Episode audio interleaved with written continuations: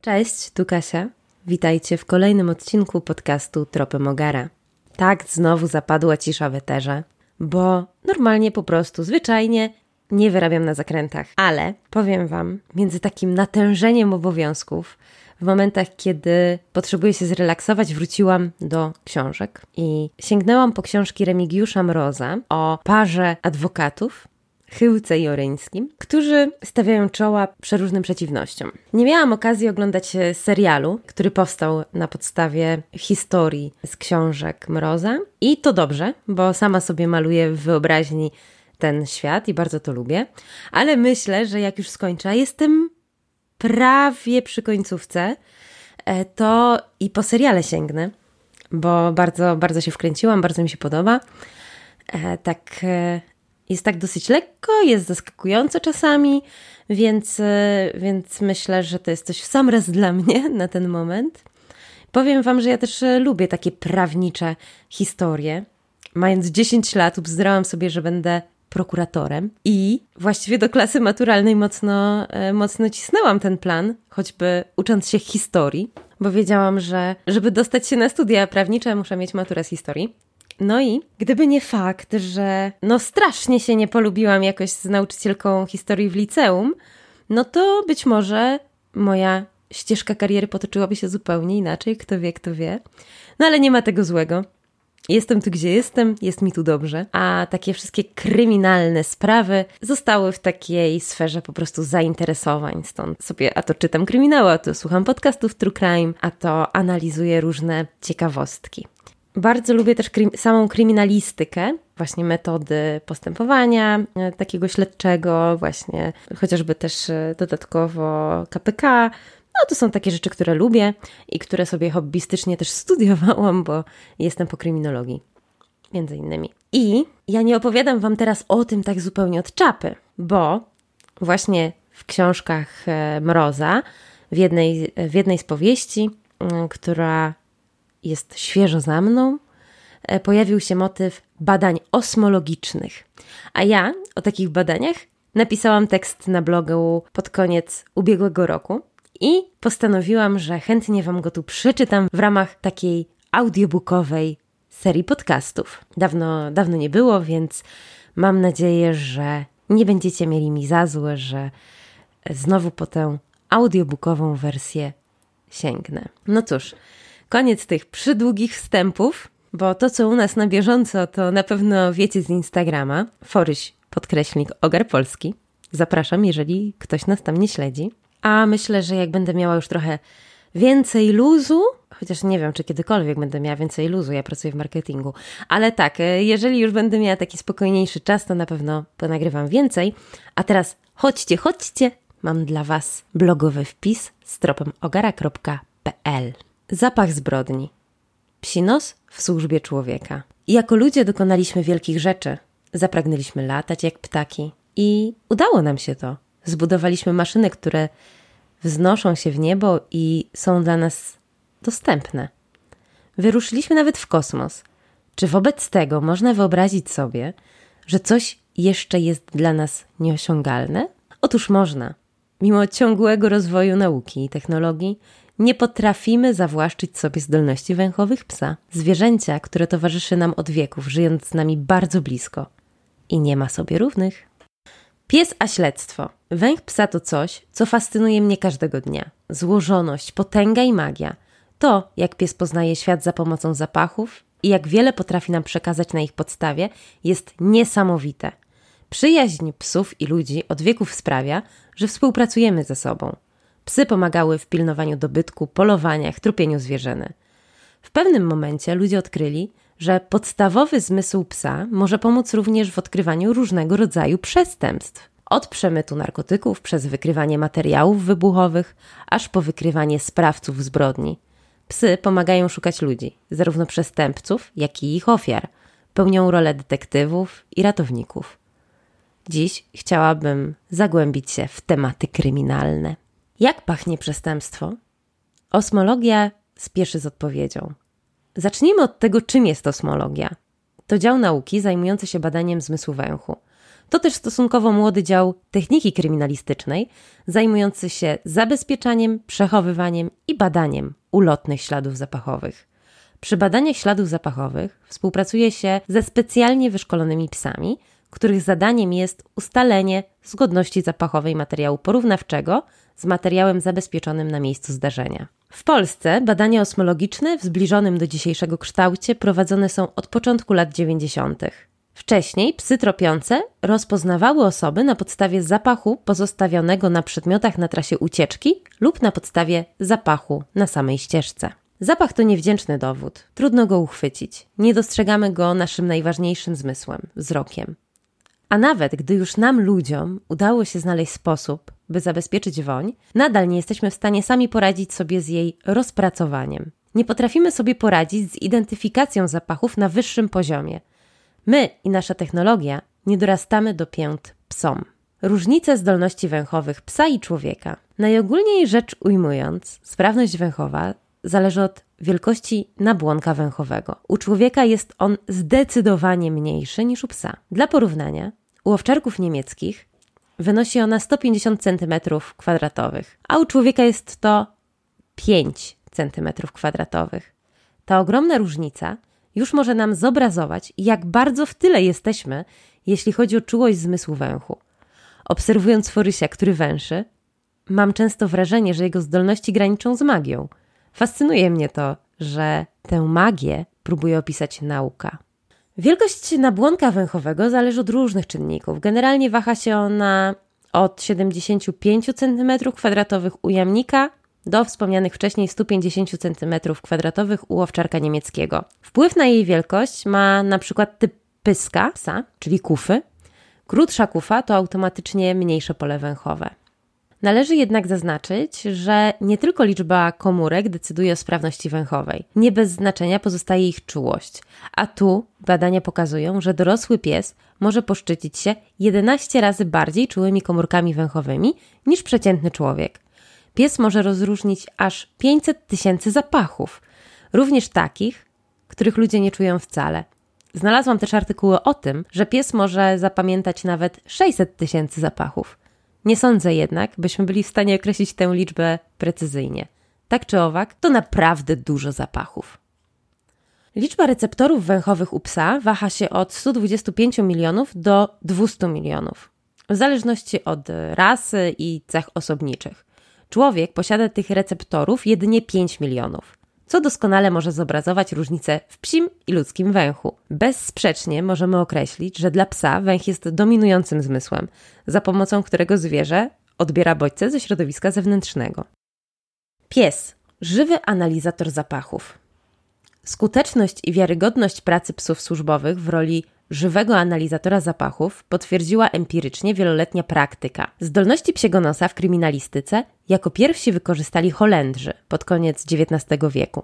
Później ich śladem poszli Rosjanie, Węgrzy oraz Niemcy. Dziś, dzięki temu, że oficjalnie opracowano już metody zabezpieczania i przechowywania śladów zapachowych, efekty pracy psów policyjnych mogą być wykorzystywane na każdym etapie procesu karnego. Zanim do tego doszło, wszelkie informacje o sprawcach pochodzące z badań z wykorzystaniem psiego nosa były traktowane jako czynność pozaprocesowa, która nie mogła być dowodem w procesie. Zawsze pozostawiamy po sobie ślady. Ślady są zjawiskiem nieodłącznym każdego czynu. Każda czynność, której się podejmujemy, pozostawia ślady, mniej lub bardziej widoczne. Nie zawsze możemy to kontrolować, zwłaszcza jeśli chodzi o pozostawianie zapachu. Organy ścigania powszechnie wykorzystują ten fakt w praktyce śledczej. Wszystko ma zapach. W każdej chwili spadają z nas komórki na skórka, włosy. Nie jesteśmy w stanie tego kontrolować. A nawet jeśli chcielibyśmy to zrobić, nie mamy dużych szans z maskowaniem przed psem. Łatwiej tu manipulować chyba czynnikami środowiska, jeśli chcielibyśmy, by pies zgubił nasz trop. Ale to tylko moje domysły. Ale czym w ogóle jest zapach? Sama natura zmysłu węchu opiera się głównie na hipotezach. Nadal nie poznaliśmy jej wystarczająco dobrze. Zapach jest określany jako opar substancji lub produktów różnych jej reakcji. Możemy pojmować go jako cechę substancji chemicznej, która wywołuje wrażenie zmysłowe u ludzi lub zwierząt. Wrażenie to zostaje wywołane pobudzeniem receptorów węchowych przez niektóre lotne substancje chemiczne. Każda woń jest niezwykle złożoną kombinacją molekuł zapachowych zmieszanych w ściśle określonych proporcjach. Na zapach truskawki składa się 40 zapachowych komponentów, na zapach kawy 400. Z kolei jeśli chodzi o woń człowieka, mamy tu 401 komponentów. Niepowtarzalność woni żywego organizmu. Każdy człowiek i żywy organizm w ogóle posiada indywidualny, właściwy tylko jemu zapach, który jest warunkowany genetycznie. Ten zapach wydzielany jest nieustannie, niezależnie od woli i świadomości. Poza genami, na nasz indywidualny zapach wpływa wiele innych czynników. Mamy do czynienia z zapachem fizjologicznym o naturze biologicznej, łączącym się z zapachem środowiska, domowego i zawodowego, oraz z zapachami sztucznymi, np. kosmetyki, obuwie, odzież, tytoń. Z punktu widzenia kryminalistyki problematycznym jest fakt, że zapach nie posiada jednostek pomiarowych. To oznacza, że nie można go precyzyjnie określić. Kwalifikacje zapachu mają raczej charakter opisowy i bazują głównie na tym, co człowiekowi dany zapach przypomina. Mamy tu zatem do czynienia ze swoistym subiektywizmem, co z pewnością nie ułatwia pracy śledczym. Zapachy biologiczne to nie wszystko. Chcę jednak zaznaczyć, że psy pomagają nam w wykrywaniu różnych zapachów, nie tylko biologicznych. Dzięki temu ich praca może pomóc nam przy wykrywaniu materiałów wybuchowych. Ucząc psy wykrywania tych materiałów, opracowano metodę REST, która polega na pobieraniu próbek gleby czy powietrza z nad pola minowego. I opiera się na uczeniu psów zapachów zdalnie, a nie bezpośrednio na polu minowym. Minimalizuje to ryzyko śmierci przewodnika i psa w razie pomyłki. Czteromiesięczna tresura tą metodą sprawia, że szkolone psy osiągają wykrywalność materiałów wybuchowych na poziomie 95%. Psy na tropie narkotyków. Psy służbowe są również nieocenioną pomocą w wyszukiwaniu narkotyków. Szkoli się je do znajdowania haszyszu, marihuany, ekstazy, amfetaminy, LSD, kokainy i heroiny. Psy mogą te substancje wskazywać na dwa sposoby: aktywny i pasywny. Aktywny sposób to ten, w którym pies przeszukuje np. bagaże, pomieszczenia czy pojazdy i sygnalizuje wykrycie znaleziska. To bardzo mocna inspiracja do powstania noseworku. W tym sporcie kynologicznym mamy przecież te kategorie ringów, przedmioty, pomieszczenia i pojazdy. Z kolei sposób pasywny polega na wykrywaniu osób, które przenoszą narkotyki. W tym przypadku pies z przewodnikiem stoją w miejscu nasilonego ruchu a gdy pies wyczuje osobę przenoszącą substancję, sygnalizuje przez warowanie i wpatrywanie się w miejsce będące źródłem zapachu. Tu nosework jest mniej wymagający. Wymagany sposób oznaczania nie jest precyzyjnie określony. W sporcie jednak chodzi o komunikację, mamy się zwyczajnie dogadać. W przypadku pracy psów służbowych stawka jest zdecydowanie wyższa i nie ma miejsca na pomyłki. Oględziny miejsca zbrodni, waga zabezpieczenia zapachu. Ale przejdźmy do kryminalnej części Jedną z najważniejszych czynności kryminalistyczno-procesowych są oględziny. W czasie ich trwania ustalane są miejsca, w których sprawca mógł pozostawić swój zapach. Wybiera się te przedmioty i miejsca, z którymi sprawca mógł mieć dłuższy kontakt. Określenie tego, z czym sprawca miał dłuższy kontakt, jest ważne, bo im więcej zapachu zostawił, tym łatwiej będzie ten zapach zabezpieczyć.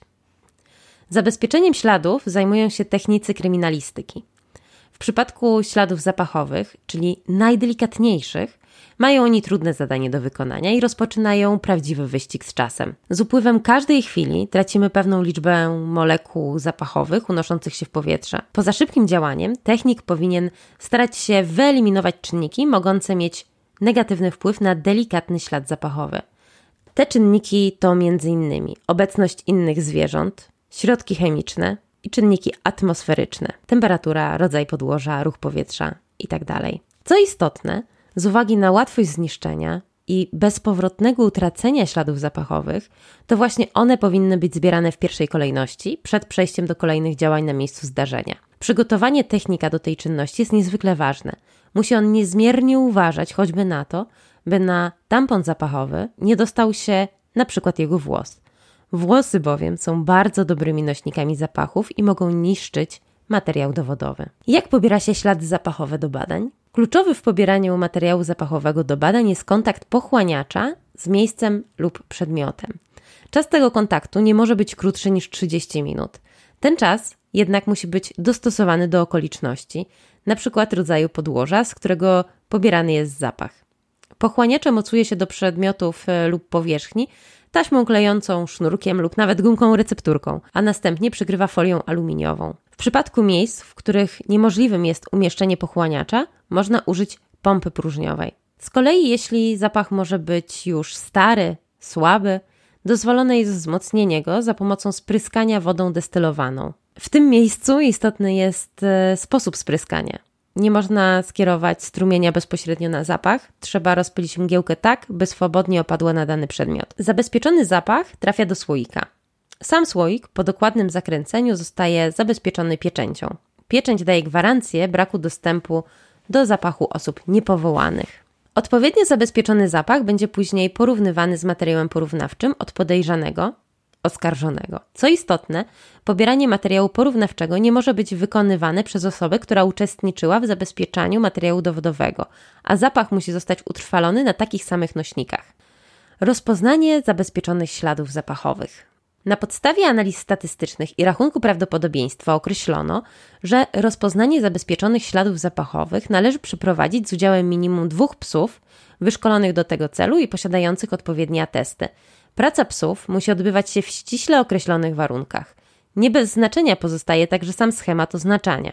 Pies musi wskazać pojemnik ze zidentyfikowanym zapachem w sposób zapowiedziany wcześniej przez przewodnika przykład szczekając, warując, siadając. Jeśli jednak nie stwierdzi zgodności zapachowej, powinien po prostu wrócić do przewodnika. Aby uniknąć ryzyka naprowadzania psa na konkretną próbkę zapachową, nie tylko czynami czy gestami, lecz także emocjami, przewodnik nie zna rozmieszczenia próbek. Choć waga zawodów noseworkowych jest absolutnie pomijalna przy wadze pracy psów policyjnej, to w aspekcie samego oznaczenia próbek też widzimy inspirację. Przewodnik w sporcie również nie wie, gdzie została ukryta próbka. Pokazuje to, jak niesamowitymi zdolnościami obdarzone są nasze psy. Te, które spędzają z nami życie, niejednokrotnie na kanapie. Kto wie, być może nauczone poważniejszych zadań też dałyby radę? Myślę, że tak. Obserwując te analogie, jeszcze bardziej fascynuje mnie świat Noseworku. Jaka jest wartość identyfikacji osmologicznej dla śledztwa i procesu? Waltość twierdzi, że nie ma chyba w teorii procesu karnego bardziej wieloznacznego pojęcia niż dowód. Organy procesowe mają za zadanie zrobić wszystko, by ustalić jak najbardziej zgodny z rzeczywistością przebieg zdarzenia, a także właściwości osób i przedmiotów. Przy aktualnym stanie wiedzy określenie wartości diagnostycznej identyfikacji osmologicznej jest nieznane. W porównaniu z innymi metodami identyfikacji, wartość identyfikacji osmologicznej jest niewielka, obarczona wieloma aspektami. W końcu wykorzystujemy tu żywy organizm psa, a nie zaprogramowane urządzenie, które działa w sposób, który można zawsze zinterpretować tak samo. Musimy mieć na uwadze, że badania osmologiczne są najbardziej nietypowym rodzajem badań kryminalistycznych. Nie jesteśmy w stanie do końca poznać i zrozumieć wszystkich zachowań psów. Psy, tak jak ludzie, mogą mieć też wątpliwości lub popełniać błędy. One nam jednak tego nie zasygnalizują jednoznacznie. Dowód osmologiczny jest generalnie pełnoprawnym dowodem w postępowaniu karnym, traktowanym na równi z innymi. Jednak trzeba zachować przy nim odpowiednią dozę ostrożności, zwłaszcza jeśli stanowi on jedyny dowód obciążający oskarżonego.